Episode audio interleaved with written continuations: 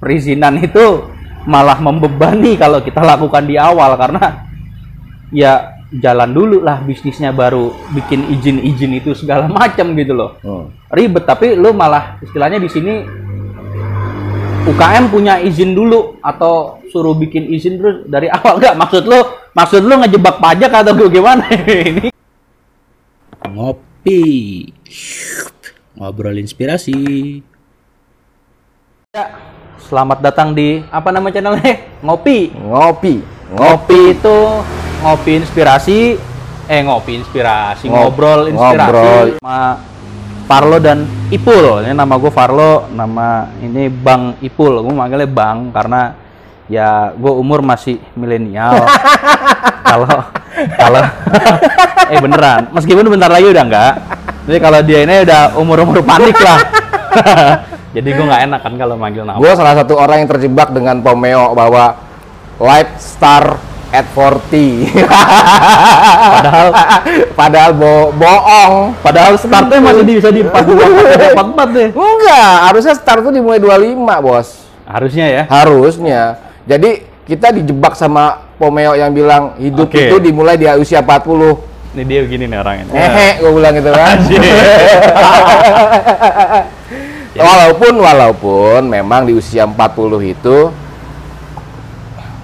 kalau gue ya, Hmm. gue baru baru kebentuk eh, istilahnya dalam arti bahwa oh seharusnya begini ya, seharusnya begitu ya. Mungkin gitu maksudnya kan. orang-orang gitu, life start at Betul. 40 itu Tapi ada teman gue bilang ya karena kita mulai cicilan rumah di usia 40 kan. lama banget. gue bilang Udah mau kan belum belum belum lunas. bukan kreditnya gede bro. Iya. Makanya. ya jadi ngopi ini kita bikin channel ini ya pertama karena iseng sama yang kedua ya gue sendiri basicnya digital marketing nah, gue gue gue bikin digital agency namanya kuda hitam ya di situ juga banyak ngobrolin-ngobrolin tentang digital marketing nah kalau bang Ipul nih dia lebih ke dia kuliner main apalagi UKM juga iya dia desainer grafis juga yang yang yang yang nggak gue main perempuan. Ya, kalau punya bini berarti main. Ya, kan, kan bini, bini perempuan. Cuman kalau main yang ini ini bukan Kalau kalau enggak, kalau udah enggak, bisa udah enggak mungkin, bukan enggak. kalau Farlo cerita bahwa ini ini Hmm. ini ini iseng. Sebenarnya kalau gue kemarin ini dua bulan terakhir ini gue sempat bikin tuh yang channel teras teras Bang Ipul tuh. hmm. Kemudian sempet juga Depok gue eh, coba wawancara gue. Sebenarnya sih ini gue baru nemu baru nemu eh, partner yang yuk kita jalan bareng, yuk kita gini mendingan kita berjalan dengan orang yang sejalan Oke. dibanding dengan orang yang sepaham. Ini, bukan karena gue lebih muda kan, ini lebih menarik. Bu- bukan, bukan. Karena kita sejalan, bukan sepaham. Nggak se nggak sepaham tapi sejalan. Iya, oke, gue setuju. Gitu loh. Sip, sip. Dibanding kita berjalan dengan orang yang sepaham, pasti beda jalan. Iya, karena sama-sama. Karena punya ide- idealisme Punya yang beda-beda iya. gitu. Oke, Kemudian benar. punya keinginan yang beda-beda. Jadi Hmm. kalau gue tergelitik bahwa kenapa gue pengen bikin podcast ini bukan karena bukan karena yang tadi kita cerita masalah AdSense segala macam, bukan. Iya, iya, iya, iya. Gitu. Tapi Kalau ada nggak nolak lah ya ntar. kalau ada yang monggo. kalau ada itu kan bonus Hmm, gitu. hmm. Tapi gue pengen eh, punya sebuah wadah Hmm. buat temen-temen kalau gue pelaku UKM khususnya UKM bahwa ada lo UKM kemudian ada lo prosedural prosedural yang harus kita lewatin ada lo tahapan-tahapan yang bikin produk kita keren produk Oke. kita bagus Oke. Nah, caranya bagaimana ya kita liput oh, temen yang sudah mapan temen yang sudah settle gitu kan Betul. karena betul. eh, kita butuh proses bukan pro- protes Oke. gitu loh Oke, tapi kita di sini ini kan eh, ya kita mau ngulas yang UKM atau bukan UKM pun bisnis yang udah udah jalan, udah mapan, cuman yang kita butuh di sini tuh bukan bukan dia karena wah udah warisan perusahaan enggak emang, emang dia Bukan. gimana caranya dia benar-benar dari bawah. Soalnya itu kan masalah masalah hampir semua hampir mayoritas wira swasta kan modalnya bagaimana, bagaimana Wira- gitu kan. ketika orang berwira swasta itu ada beberapa alasan Hmm. Satu alasan pensiun seperti tadi Pak Hari itu. Ah. Karena udah pensiun gitu. Walaupun sebelum pensiun juga dia sudah berusaha tapi tidak fokus. kedua karena eh, dia butuh ketahanan ekonomi, Ya, benar. ketahanan ekonomi keluarga, Hmm. gitu kan. Yang kedua eh, dia punya peluang, punya bakat, gitu kan. Tapi yang kalau gua cermatin dari sekian orang itu ada yang satu banget banget krusial, dia nggak punya akses, gitu loh. Ya karena Baik. berusaha. Bukan, bukan gitu. Kalau kondisinya kita gini, tergantung. Misalnya gini, aksesnya kan ada akses swasta, ada akses birokrasi. Ah, Gitu. Kalau gue bicara birokrasi, bahwa ada program atau ada anggaran daerah yang memang tujuannya untuk UKM, Oke. tapi nggak nyampe. Nah, ntar lu dah. Ini ini ini nyambung nyambung sama ini nih, karena gue lihat dia belum lama ini buka jasa bikin perizinan gratis ya? Ya, buat UKM UKM. Kalau jasa bantu, bantu, oke, Iya bantu. Kalau dari gue ya, karena gue anak muda, buat gue sih ya perizinan itu malah membebani kalau kita lakukan di awal. Karena ya jalan dulu lah bisnisnya baru bikin izin-izin itu segala macam gitu loh. Hmm. ribet tapi lu malah istilahnya di sini UKM punya izin dulu atau suruh bikin izin terus dari awal nggak maksud lu maksud lu ngejebak pajak atau gimana ini gini gini, bahaya ini gini. Kasian. Kenapa gue gua gua pros gua eh, coba kasih pencerahan ke teman-teman. ah ada jadi yang datang ini ada yang usahanya sudah jalan Ah. ada yang belum jalan ada yang baru akan jalan ah nah kan mindsetnya sekarang begini eh, kalau dibilang usaha aja dulu baru proses. Ya itu ketika kita tidak butuh bantuan pemerintah. Oke. Ketika kita butuh bantuan pemerintah butuh sera- butuh butuh butuh pembinaan pemerintah pros ada beberapa prosedur yang memang harus kita lalui. Oke. Contoh gini misalnya di Depok DKUM dan Dinkes itu punya program tersendiri untuk UKM. Misalnya wirausaha baru. Kemudian ada lagi namanya penyuluhan keamanan pangan. oke Kemudian ada juga penyuluhan laik pang laik sehat.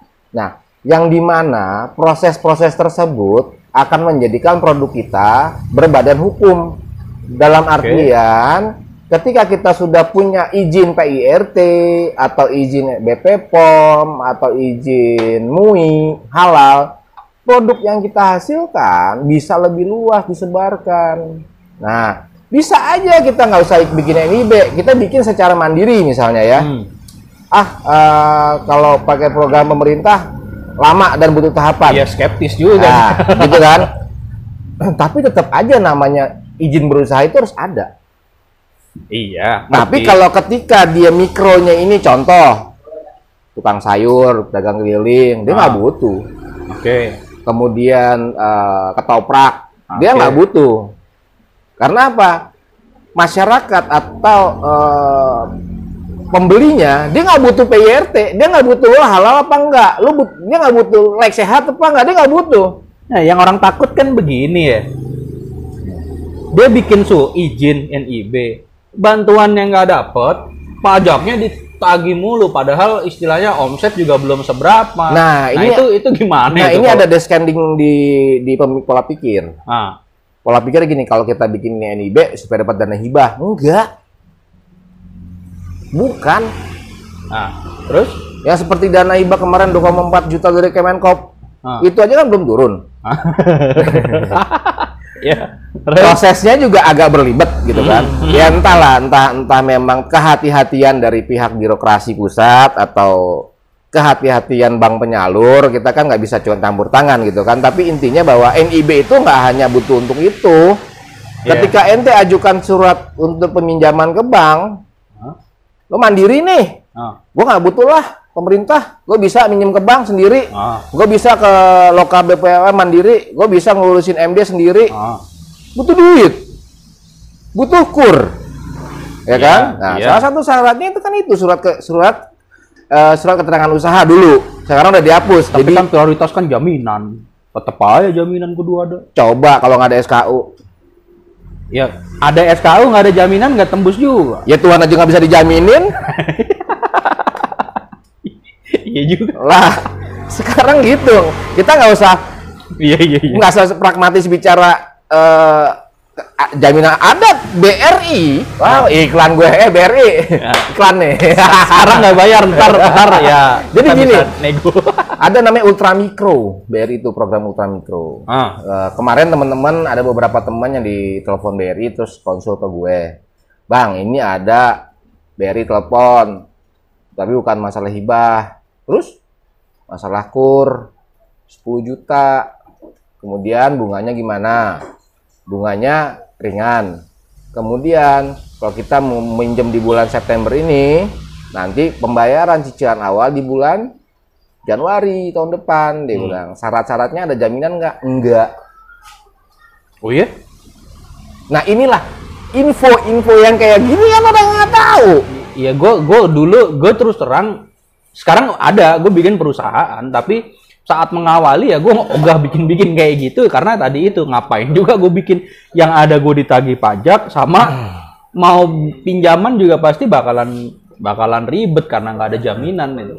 Ma- ah, maksud gue gini lah, nggak nggak sekarang jaminan. gini, sekarang mindsetnya mindsetnya tinggal gini. Ketika kita pengen ikut atau pengen pengen dibina oleh dinas atau pemkot, ya itu wajib. Oke, Tapi ketika kita mandiri, ya nggak wajib sih NIB. iya iya. iya. Gitu loh. Tergantung pilihan, sekarang, ya, pilihan masing-masing. pilihan ya.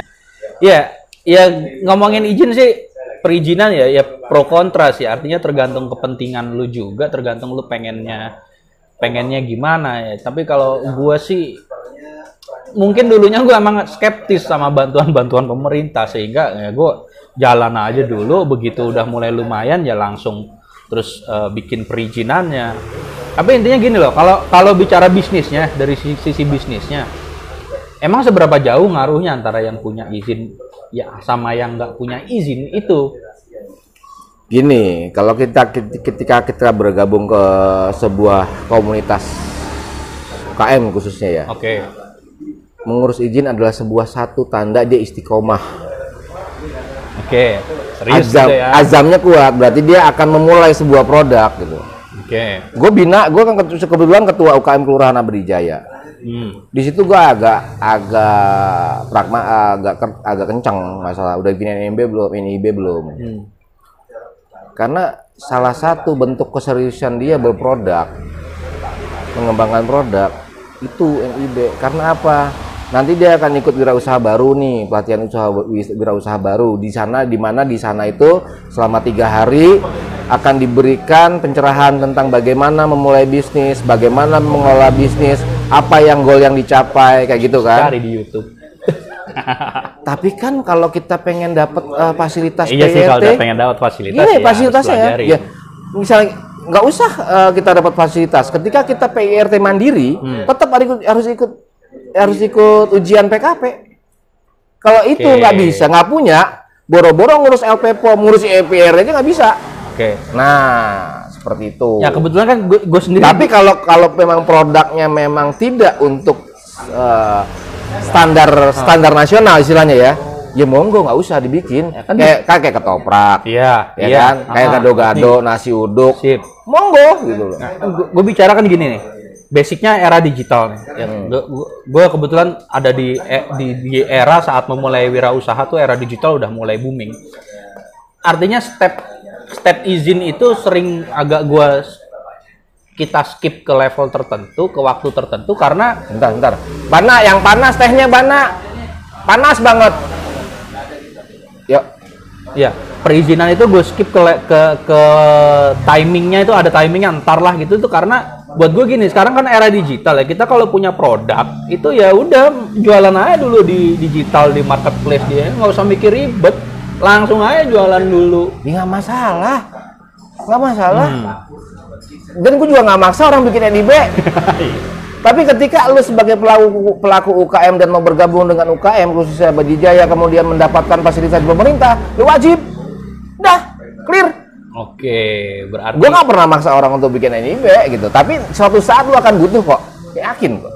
Aku yakin. Oh iya pasti, pasti. Kalau bicara suatu saat butuh itu pasti, pasti butuh perizinan. Cuman ya itu tadi yang yang yang ditakutin termasuk gue nih, yang ditakutin dulu saat mau bikin izin ini gue udah kena pajak belum nih pajak bagaimana ini? Kalau udah punya izin itu kan kena pajak. gini sekarang kan ada pajak perorangan aja ada ada pajak badan usaha. Ya, nah itu tuh, Kan double tuh gitu- jadinya. kan gitu kan. Nah kalau di misalnya kalau pajak perorangan itu kan berbentuk gaji atau pendapatan. Iya, ya, pajak badan usaha kan pajak yang tidak eh, eh, yang dihasilkan dari dihasilkan produksi, dari usaha dari itu usaha, kan iya. gitu. Ah. Jadi misalnya lu punya CV, lu Ah. direkturnya, Ah. badan lu punya dapat kena pajak, lu sebagai direktur kan dapat gaji. dapat gaji Yang kalau yang ya. yang dipajak yang diwajibin pajak kan gaji lo PPH Iya, 21 iya. gitu. Iya itu makanya kan jadi double Nah pajaknya. kalau UKM mah pasti di bawah di bawah 12 juta.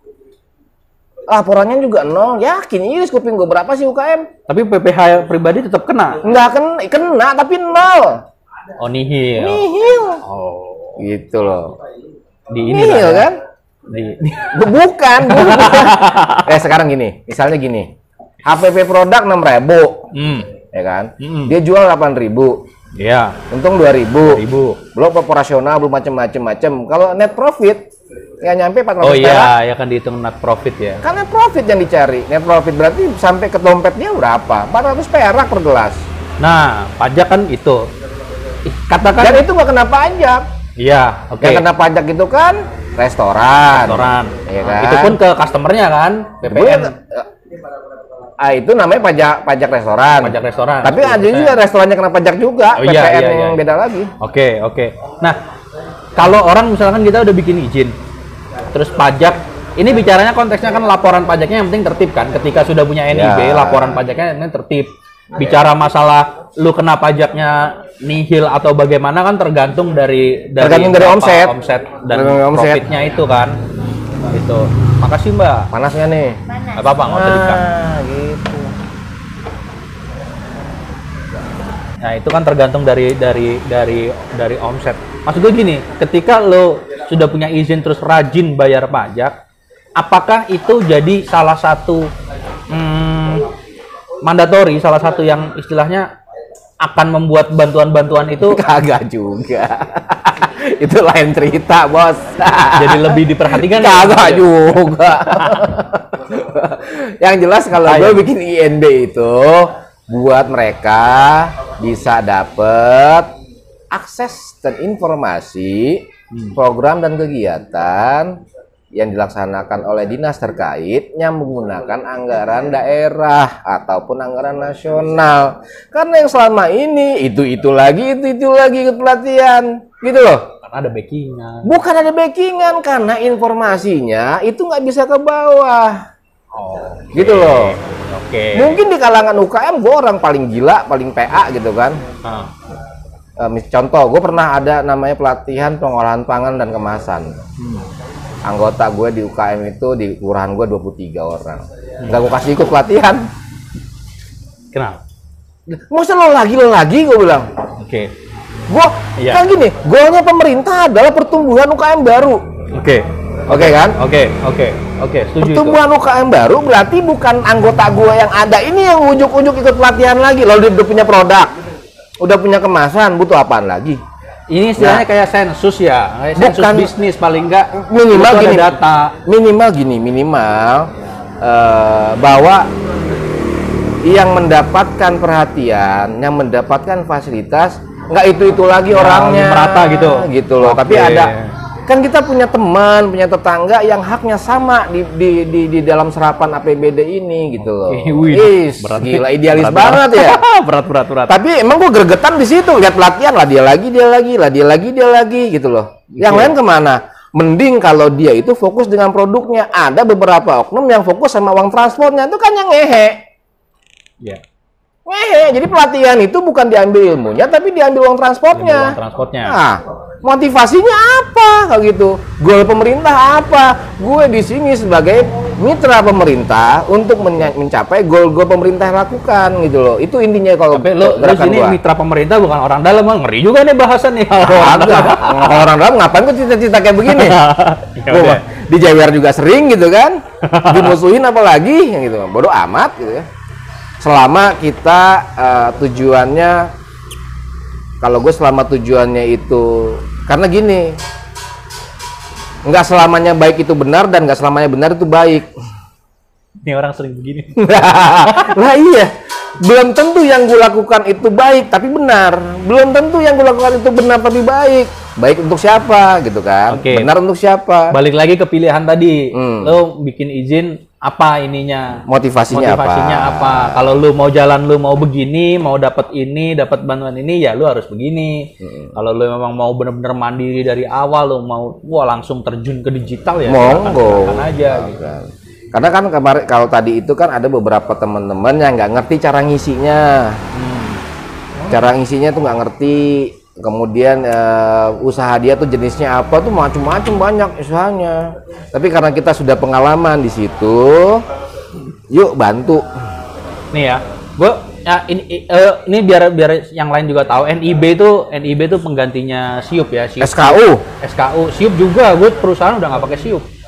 Siup sama TDP udah lah, jadi satu di, di, di NIB itu. Nah, bicara NIB ini, NIB ini berarti nggak perlu inilah ya, nggak nggak perlu bentuknya perusahaan PT atau CV ya, enggak. Itu yang penting perorangan. NIB ada tiga. Hmm, NIB eh, NIB mikro, mikro. kecil, menengah itu perorangan. Ada NIB badan hukum, CV, PT. Ya, ya. Ada lagi NIB apa tuh? Ada ada tiga poin di situ jenis-jenis NIB. Nah, tujuan lo apa sih? Bicaranya lo bantuin sampai bikin uh, gratis gitu loh. Kan em- kan emang gratis. Emang gratis. I- iya iya kenapa perlu kita kayak bantuin bantuin orang ngantri Ya karena itu, karena mereka nggak tahu cara ngisinya. Ada beberapa orang salah isi email. di, di di umur lu kali ya. Kalau di umur gue kayaknya masih masih pada tahu. Umur gue ke bawah gini. udah ngerti. Iya, banyak pelaku-pelakunya kan pada tua-tua semua. Sebelum ini gue adain lagi sebenarnya tapi nggak gue expose. Sebelumnya tuh eh, anggota-anggota gue yang udah punya SKU tapi harus berganti NIB, gue kita di sini juga lokasinya di Warkop Seruput punyanya Bang Rijal, teras Akikah. Warkop seruput nih. Ini jalan di, di Jalan Bima Raya nomor 7 kalau nggak salah. Kalau ini nggak perlu bayar karena kita disediain tempat. Nah, eh, banyak orang yang ngerti caranya. Kemudian ada yang eh, gaptek, buka email di Android nggak ngerti gitu kan. Nah, Oke. gue sih ya gue udah, udah kayak begini. Kemudian juga produksi gue lagi nggak nggak kenceng-kenceng banget. Produksi kopi gue nggak kenceng-kenceng banget. Mhm. Produksi singkong gue sekarang bini yang handling kan gitu kan, baik produksi maupun pemasarannya. Jadi ada waktu yang gue pikir ya kata guru ngaji gue kan dibilang eh sebaik-baik manusia jadilah manusia yang bermanfaat buat orang lain. Gue kalau udah kata guru ngayu gue nggak berani ngeduk. nggak kata kata guru gua- kata guru gue gitu gitu. Ya sebaik-baiknya manusia manusia yang bisa bermanfaat buat orang lain. Ya ya setuju itu. di mana eh apa rezeki itu akan ketemu kita kita bersilaturahmi. Ta- ta- Tadi belum dikasih tahu tuh di mana sih eh, yang lu bikin tadi eh, Oh, di itu. di Instagramnya apaan atau apaan? Lu nyarin itu nge-broadcast tuh di mana? broadcast gue di Facebook UKM-nya eh di Facebook akunnya UKM Maju Berdaya komunitas UKM Maju Berdaya Oke. Ntar gue share lagi di Kuda Hitam TV lah. sama itu satu lagi di Facebooknya Kopi Bang Ipul eh, Kopi Tugu kopinya gua Kopi Tugu Ya kalau memang kesimpulannya adalah balik ke pilihan sih, ya asik-asik juga sih. Gue siap bantu sih tuh. Thank you, Bang. sih. Karena gue istilahnya ya gue juga udah punya perizinan segala macem, cuman gue di awal memang tidak tersampaikan dengan baik bahwa apa efeknya gitu. Takutnya efeknya kan malah ngerugikan. kalau efek pajak mah ya gini kalau masalah pajak sama mati mah kita pasti kena efek Iya. Gue beli rokok aja udah kenain pajak bos Iya. Iya kan? Iya. Kayak kita nggak bakal bisa, kita tidak akan bisa lari dari dua hal dalam hidup di dunia. Pajak dan mati. Udah. Sama tagihan. Itu mah lain soal. Tagihan kalau kalau ngajuin kredit, kalau enggak mah enggak. Oke. Jadi tadi yang mau yang belum bisa, yang belum bisa aja lah ya. Kalau yang udah bisa seharusnya sih Yang belum paham yang belum ngisi. paham ya kalau lu misalkan ya lu cari dulu lah. Atau ada misalnya, "Bang, gue pengen bikinnya di wilayah gue kayak gini gimana caranya ya Iya, udah heeh, heeh. bisa kita bantu ntar deh Jadi kalau lu bener-bener udah mentok, wah ini ribet jadi nih. jadi nggak hanya di sini tapi Iya. bisa di Bogor Bekasi Iya iya gitu. iya. Misalkan udah benar-benar mentok lu merasa ribet gitu ya udah tadi ke Instagram, eh, Instagram, ke Facebook. Facebook. Tahuan umurnya. Orang main Facebook itu ada 35 ke atas. tuh. Kalau Instagram, gue ngomong Instagram. Enggak, kalau IG gue itu IG IG kata-kata bijak, kata-kata bijak bos, tidak bicara ekonomi. Jadi di mana tadi Facebooknya? Maju berdaya. Maju berdaya ya. Cari aja di situ infonya, hubungin ke mana. Ya, ntar kita kasih lah di bawah sini lah. Kasih nomor-nomor kita lah, biar kalau misalkan ini bisa langsung hubungin. Oke, kesimpulannya tergantung kita mau jalanin bisnis nih kayak apa. Kita butuh modal, butuh bantuan, butuh ini, butuh masuk komunitas UKM, maka NIB sebaiknya NIB harus di ini kan. dibuat dulu. Ya, tapi kalau lu punya pikiran lain kayak gua gitu ya silakan juga. Misalkan mau langsung aja terjun ke digital gitu, jual di marketplace, beres itu ya ya it's okay. Udah lah kita tutup aja lah. Ntar kita bikin lagi. Nanti kita habis ini ketemu sama Iya, boleh. boleh punya rendang. Nah, iya buat yang kedua nih. Jadi emang di sini kita memang mau ngebahas ya yang satu unik, yang kedua ada ada perjuangannya gitu. Kita kita pengen ngulas perjuangannya bukan saat dia sekarangnya udah hebat begitu, Pak. Heeh, ada ada ada kisah di balik itu yang artinya bisnis tuh nggak semuanya modal harus, tapi nggak semuanya wah gue mau bisnis ini gue harus punya 100 juta, enggak, enggak, enggak, enggak gitu. Selalu ada jalannya itu. Selama jaga silaturahmi. Kalau itu dari guru gue juga. Selama jaga silaturahmi, insya Allah jalan apa Buka aja. rezeki. Nah, gitu. Oke, kita cut di ngopi kali ini. Terima kasih semua yang udah nonton. Sekali lagi gue Farlo, Gue Ipul. Bang Ipul. Kita ketemu lagi di konten berikutnya. Thank you.